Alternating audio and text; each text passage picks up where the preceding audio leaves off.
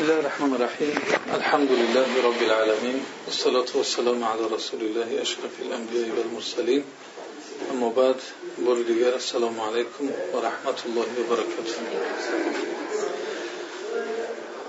خب ما بودیم تا آیت 16 سوره عبسه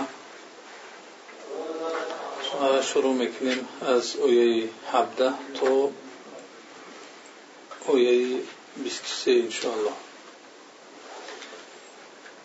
أعوذ بالله من الشيطان الرجيم. بسم الله الرحمن الرحيم. قتل الإنسان ما أكفره من أي شيء خلقه من نطفة خلقه فقدره ثم السبيل يسره ثم أماته فأقبره ثم إذا شاء أنشره. كلا لما يقض ما أمره.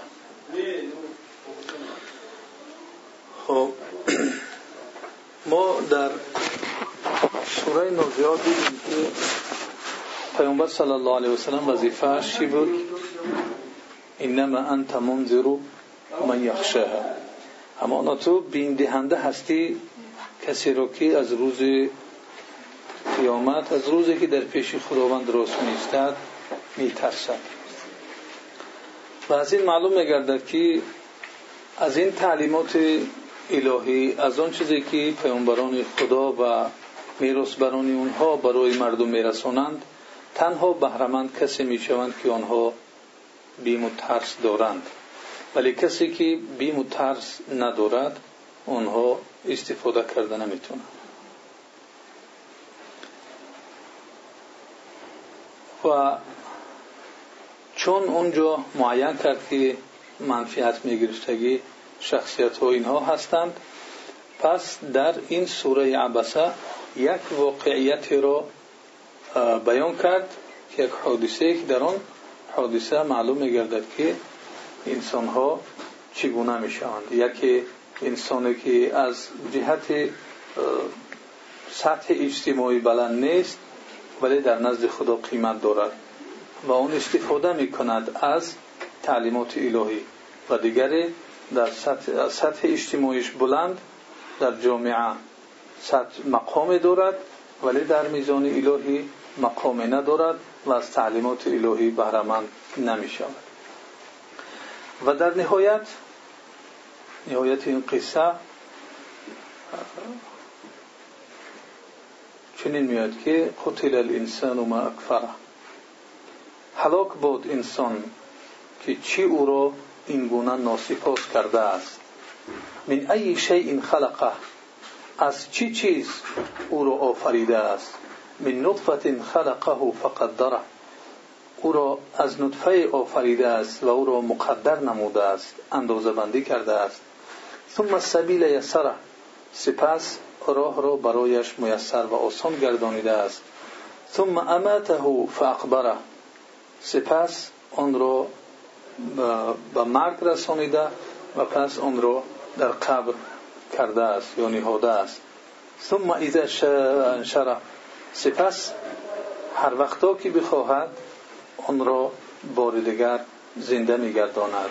کلا لما یقضی ما امره. هرگیز چنین نیست. هرگیز آن چیزی را که امر کرده شده امر کرده است او را انجام نداده است. هر چیزی را که امر شده است هرگیز انجام نداده است. خب این بود ترجمه این آیت ها قتل الانسان ما اکفره در قرآن وقتی کلمه قتل آمد قتل این به معنای دعا هست.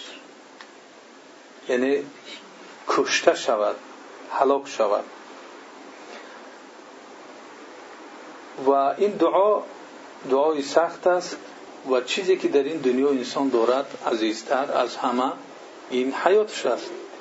ببینید که برای حیاتش همه بایگری و همه دارایی را می‌دهد. یکی پولدار است مالدار است خانه و ماشین و دیگر و دیگر دارد ولی وقتی سلامتی او به خطر میافتد جان او به خطر میافتد برای سلامتیش را نگه داشتن همه اون پول و مال همه اون خانه و در همه اون ماشین و همه چیزها را از بحرش میگذرد تو اینکه سلامتیش باقی بماند.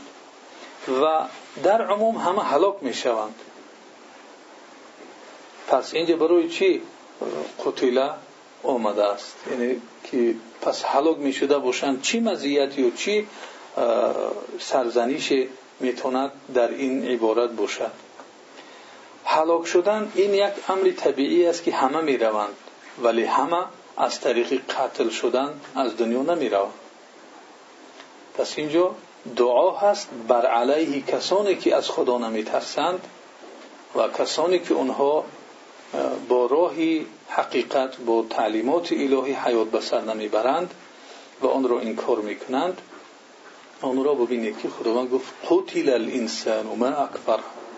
این جمله جمله تعجبی است از یک جهت و از یک جهت دیگر استفهامی است. جمله تعجبی و استفهامی چی است؟ جمله تعجبی این است که مثلا یک چیز می‌بیند مثلا سفید است میگه اینقدر سفید است تعجب می‌کنه. خب و اینجا هم تعجب هست از حال انسان که انسان چی به او رسیده است که او این کفر رو پیشه گرفت حقیقت رو پوشاند. یا اینقدر این ناسپاس است. یعنی جای تعجبش که اینقدر این ناسپاس است. خیلی که میگه اینقدر این صفحه تعجب می‌کند. یا که سوالیش یا استفهامیش این است که به او چی رسیده است که یا او رو چی وادار کرده است که اون ناسپاسی و ناشکری کند. خدا ناشناسی کند. قتل الانسان هلاک بود کشته شود. این چگونه که گفتیم سختترین دعا برای انسان می باشد و ببینید که خداوند این دعای سخت را برای این انسانی که نترسید و روی خدا را نرفت کرد. دویم ما می‌بینیم که کلمه انسان استفاده شده است. انسان در قرآن در جایی که با الف لام در اولش ذکر می شود این حالا پیش از هدایت یافتنش است. حالا هدایت نیفته است. یعنی هم جنسی انسان. و در کجایی که نگاه بکنیم حتی اون سوره العصر همه ما میدیم و العصر این الانسان لفی خسر. قسم به عصر که انسان در حقیقت چیست در زیان است. هر جا که اومده است یعنی انسان پیش از هدایت یافتنش است وقتی که الف لام داشته باشد معنای آن را دارد که انسانی که تا حالا ایمان نآورده است. پس وقتی که اگر القتی بیاد یا که مثلا در سوره و بعد از اون سوره همون والعصر اگر نظر بکنیم همان و انسان در زیان است. الا الذين امنوا وعبد استثناء می شود از این انسانی که الف لام قطعی هست. استثناء جدا کرده می شود کسی که ایمان آورد عمل شایسته کرد وصیت به حق و وصیت به صبر کرد. یا که در سوره و تین و که میگه در سوره تین که از بالله من الشیطان الرجیم و تین و زیتون و طور سینین. و هذا البلد الامین. لقد خلقنا الانسان الانسان آمده فی احسن تقویم ثم رددناه اسفل سافلین. بعد گفت که انسان خلق کردیم در بهترین صورت پس اون رو گردانیدیم برگرداندیم به چی؟ اسفل سافلین پایینترین طبقه یعنی هستی در یعنی از انسانگری و از همه پایان گشت و رفت. برای برای چی؟ برای که اون با این تعلیمات اسلامی کار نکرد. بعد از اون استثناء می‌شد لقد خلقنا الانسان في احسن تقويم ثم رددناه اسفل السافلين الا الذين امنوا وعملوا الصالحات. مگر کسانی که ایمان آوردن و عمل شایسته کردن از جمله این استثناءات میبرویند یعنی در کجایی که انسان ذکر شد پشت این کلمه انسان زیان و زحمت او ذکر شده است و از این انسانی که زیان و زحمت براش ذکر شده است معلوم می شود که انسانی هست که یعنی حالا ایمان نآورده است با تعلیمات اسلام زندگی نمی‌کند. اگر با تعلیمات اسلام زندگی کرد با گفته های خدا حیات خود را پیش برد اون انسان از جمله انسان های نجات یافته خواهد شد. ما اکفره چگونه آن را یعنی ناسپاس کرده است. کفر این اصلا پوشیدن یک چیز را می‌گویند. پس تصور بکنید که کفر خودش پوشیدن باشد. پوشیدن انسان چی را میپوشد یک چیزی که هست او را انسان میپوشد ولی وقتی چیزی که نیست همین یک چیز نیست من برای چی را بپوشم؟ تصور کرده سودید یعنی همون کافر یک چیزی حقیقت رو یک هستی رو میپوشه. اون هست. اگر اون نمیبود او احتیاج به پوشیدن نداشت. من اینجا مثلا کتاب هست کتاب را میپوشم. ولی اینجا یگان چیزی که نیست من اون را نمی‌تونم که بپوشم. احتیاج به پوشوندن هم ندارد. این کسانی که کافر می‌شوند اینها هم اصل ایمان می‌دونند که وجود دارد.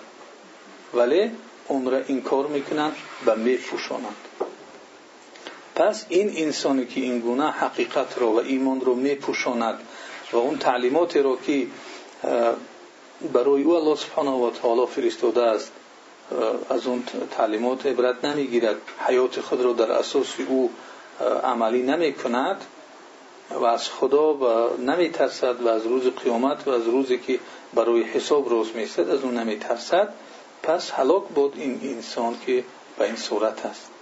خب این انسانی که به این صورت است ببینه که خداوند وسخر له ما فی السماوات و ما فی الارض. یعنی همه اون چیزی که در آسمان ها و بین اینها است همه را مطیع انسان کرد برای چی؟ آیا برای اینکه یک انسان هست برای همه چیز بگیرد بخورد؟ یعنی بیا شما. انسان نظر بکنیم به سوی داده های الله سبحانه و تعالی که دو نمود هستند داده های الله سبحانه و تعالی. اون عطاها اون چیزی که خدا میتید دو نمود هستند. از طریق ربوبیتش میتید و از طریق الوهیتش میتید آنچه که الله سبحانه و تعالی می‌دهد یعنی داده های ربوبیت و داده های چی است؟ الوهیت. انسان های مسلمان و انسان های کفر همه برابر از داده های ربوبیت الله سبحانه و تعالی استفاده می‌کنند از جان و از هوا و از خوردن و از پوشیدن و از همه این چیزی که در دنیا هست. ولی از داده های الوهیت الهی تنها مؤمنان استفاده می‌کنند کسی که ایمان دارد در که عبادت کرد الله سبحانه و تعالی را معبود یگانه خود دانست این الوهیت یعنی معبود یگانه دونستن الله. جز الله کسی برای من معبود نیست. من دیگر کسی پرستش نمی‌کنم. تنها الله پرستش می‌کنم. اینجا دیگر داده های خدا میآید. که اون داده های خدا چی هستن؟ داده های الوهیتش هستن. پس این داده این دنیا رو گمان نکند که او دارد. هر کسی که در این دنیا چیز دارد. در این داده همه برابر است خداوند مسلمان هم و کافر رو هم در این دنیا میتید انسان خدا ترس هم میتید خدا ترس هم میتید اینا چیزهای ربوبیت الهی هستند که برای زنده ماندن برای این امتحان گذشتن باید که زنده بمانند در وقت امتحان تشنه و گرسنه و بیخونه و در نمانند. پس بعد امتحان دوده اساسی ابدی معلوم میگرده خب این انسان گفتیم که خدا برای اون اینقدر چیزها را داده است و امروز اومده گفته الله کار می‌کنه این تعلیمات الهی را کار می‌کنه. اصلا یک بار نظر می‌کند که خودش چیست؟ من ای شیء خلقه. از چی چیز؟ اون رو آفریده است. یک بار به آفرینش خود نظر بکند. اینقدر خودش بزرگ می‌گیرد کلان می‌گیرد تکبری می‌کند کفر میورزد حق را قبول نمی‌کند. بناحق برای منفعت دروزه خودش حیات به سر می‌برد. من ای شیء خلقه از چی چیز او را آفریده است؟ من نطفه خلقه فقدر. او را از یک نطفه آفریده یک بار نظر نکرد که اون الله هست که از نیستی او را به وجود آورد. از چیزی او از هیچ او را آفرید. بعد از آن از ماده که او پیدا می شود در اون ماده استخوان نیست. برای انسان مثلا این ناخون و استخوان و پوست و گوشت این چیزها وجود ندارد. ولی یک تصور نمی کند که الله سبحانه و تعالی از هیچ یک ماده را و از ماده انسان را میآفرد که اون داروی یعنی استخوان و داروی گوشت و پوست و رگ و پیوند و خون و اینها هست. یک بار اندیشه نمی‌کند که همین قوت های پای انسان تا یک تاش تا 250 کیلو بار پرداشته می‌تونه. یعنی هر دو پای های پای انسان تا 500 کیلو تو نیم تن بار میبرداره. این از کجا آمد این قوت؟ یک بار اندیشه نمی‌کنه که از هیچ خداوند این گونه مخلوق آفرید که بالا اگر 500 کیلو بار مونده شود تحمل می‌کند جسدی تو و در دندان یعنی چیزی سختی وجود دارد که در همه این های خیمیایی در دویم جا میشتد بعد از الماس در سختیش. و در اصل ای از چیزی از سنگ ساختگیشن از آهن ساختن انسان بگیرن الماس بگیرن اونم همه ماده های خیمیایی وجود دارد. بگیرن که انسان بسازن بگیرن خودشون درست بکنن. دندان افتادگیش نه مثل همون دندان بگیرن بکنن. گرده که از بیکار می‌شود مثل همون گرده گرفته بمونن. که پروانه ما اصلا فکر نداریم که گرده داریم یا نداریم. ولی وقتی که او گرده خودش می‌سازه بیرونده میمونش یا که در جایی میمونه خودش ساختگی این گرده که بیکار شد گرده بمونه بعد می‌فهمه که خلق الهی چیست و آفریده الهی چیست. این چشمی که در درون این اینقدر تیرا اینقدر چیزهایی هست که برای همیشه دقیق دیدن چندین نمود هر رنگ خودش چندین هزار درجه ها دارد همه این درجه ها را می‌بینند ولی اون چیزی که انسان ساخته است همه این درجه ها را گوها جدا کرده نمی‌تونه. و اون صورتی که چشم انسان جدا می‌کنه. اینا از کجا اومدن؟ یک بار اندیشه می‌کند. هر صدایی که می‌بره چی پست است چی بلند است او را میشنود. این دستگاه از کجا اومد؟ ما دستگاه داریم که تلویزیون مثلا. یا دستگاه داشتیم که رادیو فقط میخون صورت نداشت. خب داریم مگنیتفون که به همان صورت ضبط می‌کرد یک اندازه معین خلاص دیگه پر می‌شد. خب تلویزیون که اونم یک چیزی معین نشان می‌دهد یک صورت و رنگ های معین نشان می‌دهد ولی این انسان رو ببینید که چقدر یک مخلوقی هست که جای سخن گفتن دارد جای دیدن دارد جای شنیدن دارد. خب همه اینها از کجا اومدن؟ اگر خداوند در این موی مثلا مردها که دوی موی سر پست می‌کنن یا که میتراشن اگر در این موی سر اون چیا میبودند؟ این چیزی که احساس می‌شد نرو نیکلید که انسان اگر که در موی سر میبود انسان هر وقت محتاج می‌شد که با بیمارستان رفته اپیرات سقطی او را چکار بکنن؟ یکون چیزی مخدر بزنن بیهوشش بکنن تا اینکه موی سری او را بتروشن دوکی ناخون ها اگر که این گونه احساسات و این گونه نر نیکلید که در این چیزا می بود که درد می‌کرد انسان. مثل که دیگر جای های پوست انسان میگید درد می‌کند گوشت انسان میگید مثلا درد می‌کند استخوان انسان درد می‌کند بعضی چیز مثلا نیرنیکلیک ها هست در این اصلا در پوست هست بیشتری اونها در پوست هست. اگر در همین ناخن می بود ناخن گرفته می‌تونه اگه حیوان دیگر انسان میشه موی هاشان دارد دیگه هر کس کی می‌تونید که پیش دکتر رفته او را مخدر بکنن موی سری او را پس بکنن یا موی سری او را بتروشن این که ناخن های او را بگیرن. ناخن های حیوانات دارن؟ نه ندارن اونها هم ندارن. برای که اونها در گذشت ایام اونها پس شده خود چی میشن؟ اگر این چیز میبود یعنی انسان چی می‌شد یعنی خیلی حیوان بعض وقت نمی‌گیره ولی طبیعی بعد میفتن میشکنن میرون از انسان هم دیگه هم خیلی دراز می‌شد می‌رفت یعنی انسان یک تصور بکند که اگر خدا آن چیزی را که گفته است که همین خیلی من آفریدم خودشان به یک صورتی دیگری اون را می آفریدن یا که یعنی به دیگر صورت این به وجود می اومد ممکن بود که این نظامی که یک انسان آفریدگی است از یک انسان دیگر فرق می‌کرد دستش در جای پشت می اومد پشت در جای دستش می اومد بینیش مثلا پشت کلش می اومد چشمش یک تش یک تش در پشت می یعنی ممکن بود که تغییر بخورد لیکن کی اینها را تنظیم داد که چشم در جای خودش گوش در جای خودش دهان در جای خودش؟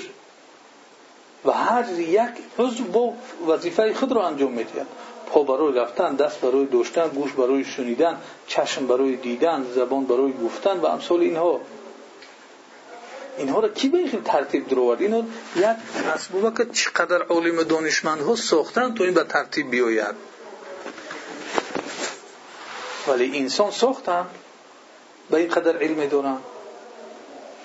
پس آیا تصور نمی‌کنن که این را یک کسی خودش پیدا نشد؟ پس انسان چطور خودش پیدا می‌شد؟ این یک مخلوق بسیار مرکب. و اصل خلقتش چی است؟ من نطفه خلقه فقدر ثم السبیل یسره سپس راه را برای او ناساناند راه را یا در زندگی یا برای اصلا اولا برای به دنیا آمدن راه را آسان نمون که این هم مرحله هست که بسیار خداوند معجزه های دارد که ممکن است که انسان یا مادری فرزند وقتی تولد می‌کند از دنیا بگذرد. این یک چیز رو دلالت می‌کند ثم سبیل یسره دویم دلالتش که در حیات زندگی رو برای او آسان گردانید که با آسانی می‌توند زندگیش رو به سر بره چیزی خیلی که گفتیم اگر انسان می‌خواست که برای در یک سیاره دیگر زندگی بکنه میلیون ها میلیارد ها سوم لازم بود که برای یک ماه یا که چند ماه در اونجا زندگی کردن انسان صرف بکنه 20 میلیون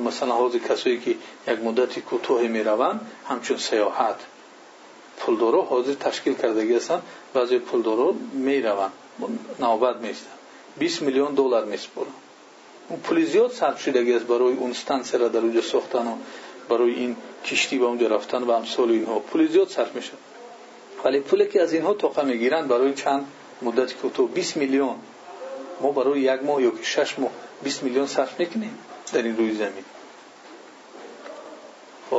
ماه یا که 6 ماه 20 میلیون صرف می‌کنیم در این روی زمین یعنی زندگی رو برای ما آسان ساخت که با یک اندک جنبیدن اندک حرکت کردن ما می‌تونیم که زندگی را به پیش ببریم. و این چنین دیگر معنا هم دارد که ثم سبیل یسره سپس راه را برای اون آسان نمود. راهی هدایت یافتن را راهی به سوی خدا رفتن را برایش آسان نمود که اگر همین خلقت خود نظر بکند راه را به سوی الله سبحانه و تعالی پیدا خواهد کرد. خب سپس الله سبحانه و تعالی در ادامه می‌گوید که ثم اماته فاقبره سپس آن انسان را که به مرگ رسانید. یعنی در این دنیا جای ابدیت نیست جای گذرا هست. یعنی این دنیا موقف ها هست. این دنیا مرحله ها است. از این مرحله به مرحله اون مرحله از اون مرحله به مرحله دیگر. همین مرحله ها میگذرند. و خداوند است که اون را حیات داد و خداوند است که او را مرگ می‌دهد بیگذار انسانی که خدا را نمی‌شناسد وقتی آمدن خودش را معین بکند و وقتی رفتنش را معین بکند کسی در دنیا وجود دارد چنین؟ البته نه. ثم امته خداوند است که او را میمیراند. فاقبره. باز برای عزت و کرامت انسان ولقد کرمنا بنی آدم همانا فرزندانی آدم را عزت و اکرام نمودیم اون را زیر خاک گورانیم اگر این سنت را نمینیهاد اگر این سنت را قبر کردن و زیر خاک کردن انسانهای مرده روی زمین میخوابیدند و آنها را در ها و امثال اینها میخوردن و یک بسیار به عزتی و به حرمتی نسبت جسه انسان میشه میخیل؟ پس این احترام و عزت است که این انسان را زیر خاک می‌کنند یکی از آخرین چیزهایی که در این دنیا برای او کرده می‌شود احترام و عزت او را زیر خاک کردن است. سنت الهی است. این را خداوند برای ما نشان داد. چگونه که در قصه قابل و حابیل فرزندان آدم این چیز آمده است که زاغ اومد نشون داد که خیلی یک زاغ دیگر رو زیر خاک کرد و پس اونم گرفت برادرش زیر خاک کرد. ثم امته فاقبره. ثم اذا شاء انشره. سپس اگر کدام وقتی که خواست اون را باز بار دیگر چی زنده می‌کند برای روزی قیامت برای روزی بازخواست و اون در روزی است که نفخه دویم می‌شود. و کلا لما یقدم امر هرگیز چنین نیست و این کلا گفتیم که کلمه سرزنیش است لما یقضی ما امره هرگیز آن چیزی که امر کرده امر شده است انجام نداده است انسان بداند که اوامر الهی را با وجود اینکه خداوند برای ما جان داد اینقدر فرصت ها را داد اینقدر حیات را برای ما میسر گردون اینقدر حتی در وقت مرگ و در وقت قبر کردن سنت هایی که برای عزت آبروی ما هست نیهاد ولی انسان آن چیزی که امر شده است انجام نداده است. آن چیزی که در برابری این قدر نعمت ها باید گفته های خدا رو انجام می‌داد. و بینید که وقتی یک کس در یک کارخانه کار می‌کند و می‌بیند که کارخانه بسیار درآمدش خوب است در اونجا زندگیش خوب میچلد تمامی کارها رو انجام میتید تمامی گفته ها رو انجام میتید ولی نمی‌خواهد که وی سردار خود یا رئیس خود را خفه بکند غمگین بکند. حتی گاه ها می شود برای مال و منال زندگی انسان ها دین خود و مذهب خود را چکار می‌کنند میفروشند پس برای چی در بدل چی میفروشند در بدل چند سوم این دنیا چند مال این دنیا. یک مقصد یک منصبی ناچیزی که از اونم کسبی ناچیز می شود. و چیزی که باشد اینها به مرگ انتها می یابند برای یک حیات چند روزه ببینید که همه چیزهای قیمتترین خود را می فروشند پس انسان نباید چنین باشد. یک انسانی که تو را یک مالی اندکی را اینقدر در خدمتش قرار داری. آن خدایی که جان داد اینقدر همه این اعضای مرکب انسانی رو برای تو ارزان ارزانی فرمود. اون سزاوار نیست که عبادت شود سزاوار نیست که اطاعت شود. پس چرا انسان اون را اطاعت نمی‌کنه زیرا که اون غافل است زیرا که اون با خبر است زیرا که گوش های اون سرب ریختگی کر هستند. این حقیقت ها رو نمیشنوند ولی روز میآید که میشنوند و اون روز است که فایده جاءت جاءت الصاخه که اون درسی بعدی آینده ما خواهد بود. این صدای بلند خواهد آمد صدای بسیار شدید خواهد آمد که این سرب و این چیزهایی که در گوشش پخته زدگی است یا سرب زدگی است محکم کردگی است اینها همه را از بین می‌برد. در درون قلبی او این صدا میدراید و اون حالت دیگر حقیقت را به صورت حقیقیش خواهد فهمید نه به صورت باطلی که امروز برای او نشان می‌دهند. اونجا دیگر اختیار ندارد. اونجا دیگر بخواهد نخواهد به گوشی او میدروید امروز نمی‌خواهد که به گوشش این حقیقت ها بدرویند امروز این گفته های خدا را به هر صورتی باشد منع می‌کند که به گوشش نرسن یکی شنوید با گناه گفته خودش گناهگار نشود که بشنویدنش نشنوش خوبتر است. نه این گونه نیست. مادامی که گوینده ها هستند عذر نیست دیگر. در وقتی که گوینده ها نباشند می‌تواند علیکم السلام. در وقتی که گوینده ها نباشند می شود برای انسان نادانی حضر بشود. ولی در وقتی که گوینده ها هستند در این حالت برای انسان نادانی حضر شده نمی‌توند مثلا یک انسان در یک کشور زندگی می‌کند که همه دینی مسلمان نیستند کافر هستند در دیگر دین ها هستند. و کسی نیست که از اون حقیقت رو بپرسد و بیابد. برای اون این جهالت عذر شدن ممکن است. ولی کسی که در یک جای زندگی می‌کنه که همه مسلمان ها هستند و اهل علم و اهل اسلام هست برای اون ندانستن عذر نمی‌شود که من نمی‌دونستم من خوانده نمی‌تونستم من فهمیده نمی‌تونستم. و دلیل خوب برای ما این بود که یک خبری غلطی که برومد ببینید مردم همه اون رو تحقیق کردن بررسی کردن برومدن تا حتی یعنی دیگر بعض انسان ها شب و روز زنگ می زدن می پرسیدن که دیگه فرق نبود برای اونها که شب است روز است کی است کی نیست. راه پیدا کردن و پرسیدن و قلب خود را بگیم یا عقل خود را مطمئن ساختن یا در بوره اون خبر معلومات لازمه را پیدا کردن. پس برای اونها حجتی نیست. مخصوصا در جامعه های ما که از تعلیمات الهی خود را دور بگیرن.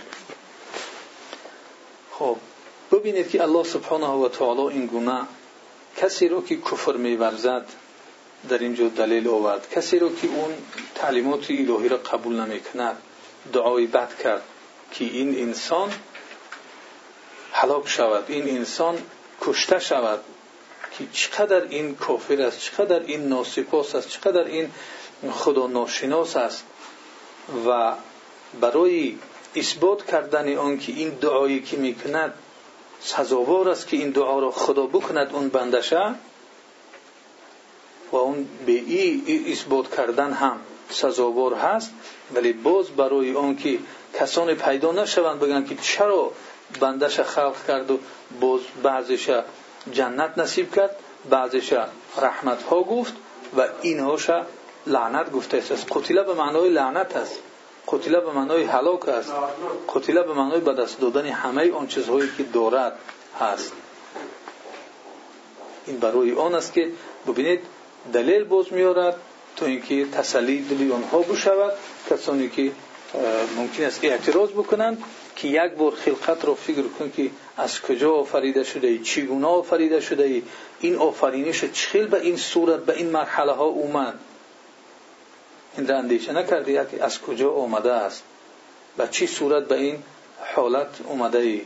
این مرحله ها را چخیل تای می‌کنی؟ کی برای تو این چیزها را مهیا و آماده می‌کنه؟ کسی جز الله سبحانه و تعالی ما را این چیزها را آماده کرده نمی‌تونه. این استوان ها و این بالای استوان ها گوشت پوشیدن و بالای اون میانی اونها رگ و پیوند و و این چنین پوسته که در انسان هست و این مینه سر انسان. خب اگر یک نظر بکنیم بر معده انسان عبارت است از چقدر یعنی چیزهایی که فشار میارن تو اینکه طعام هضم بشود. و هر حجیره که در انسان هست یعنی کوتاه عمرترین آنها و لعالم در معده است که 48 ساعت عمر می‌بینن. بعد 48 ساعت از دنیا دیگر از قید حیات اون حجیره می‌رود که انسان عبارت از حجیره هاست. و طولانی ترین عمری حجیره انسان پنج سال است. طولانی ترین عمر میدیدگی حجیره انسان پنج سال است. پس تصور بکنید که هر پنج سال بعد تمام وجود انسان تجدید می شده است. از نو می شده است. این رو کی می‌کند؟ مگر عقل انسان و مگر قلب انسان. زیرا اگر این هم عوض می‌شد دیگر انسان باید دیگر می‌شد. لیکن مینه سر انسان و قلب انسان عوض نمی‌شوند دیگر حجیره های او تا پنج سال عمر دارن که در این مدت اون دیگرگون میشه. چرا انسان اینها را اندیشه نمی‌کنه؟ چرا فکر نمی‌کند که اینها از کجا اومدن؟ کی اینها را برای او دو اینقدر نعمت ها برای همین فقط به دو پشت میگرده و مثلا سگ به چهار پشت میگرده برای همین است بعضی حیوان ها و اکثر حیوان ها از این انسانی که تعلیمات الهی را نمیگرد منفیت ناکتر هستند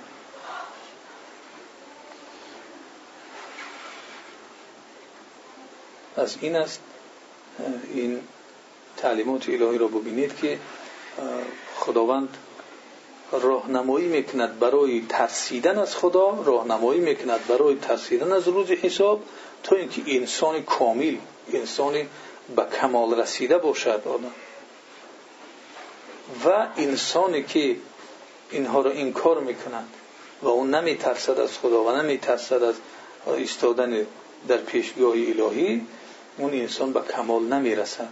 اون انسان را خداوند دعا می‌کند که قوتی در انسان و اکفر بود انسان کشته بود اون انسان که چقدر اون ناسپاس است.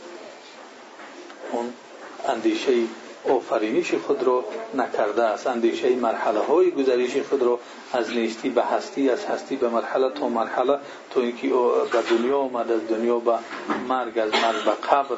باز بعد از قبر بار دیگر زنده گردانیدن. ولی انسان با وجود این آنچه که شده است انجام نداده است. این دلیل ها چگونه که گفتیم برای انسان است. تا اینکه عقلش را کار بفرمد از آن راهی زیانباری که می رود بر بگردد به راهی که آن نعمت است و باز در برابر اون دادگی های ربوبیت الهی سزاواری دادگی های الوهیت الهی بگردد. و در درس آینده اول او را درباره خود آفرینش انسان. خود چه گفت خود اندیشه کن از کجا اومد؟ در درس دیگر می‌بینیم که باز الله سبحانه و تعالی درباره اون تعامی که می‌خورد درباره این میگن اندیشه بکن. این از کجا اومد؟ یک بار اندیشه کردی به تشویش نان خورده صدای آب خورده صدای خب هر چیز تناول داری. ولی یک بار اندیشه کردی که اینها از کجا هستند کی آورد خب خداوند همه ما و شما رو موفق و مایت بگرداند. از جمله انسان هایی باشیم که یستمعون القول فیتبعون احسنه. گپ را گوش می‌کنند و از بهترین آنها پیروی می‌کنند و حیات ما بگذار که سرشار از پیروی های تعلیمات گوهربار الله سبحانه و تعالی باشد.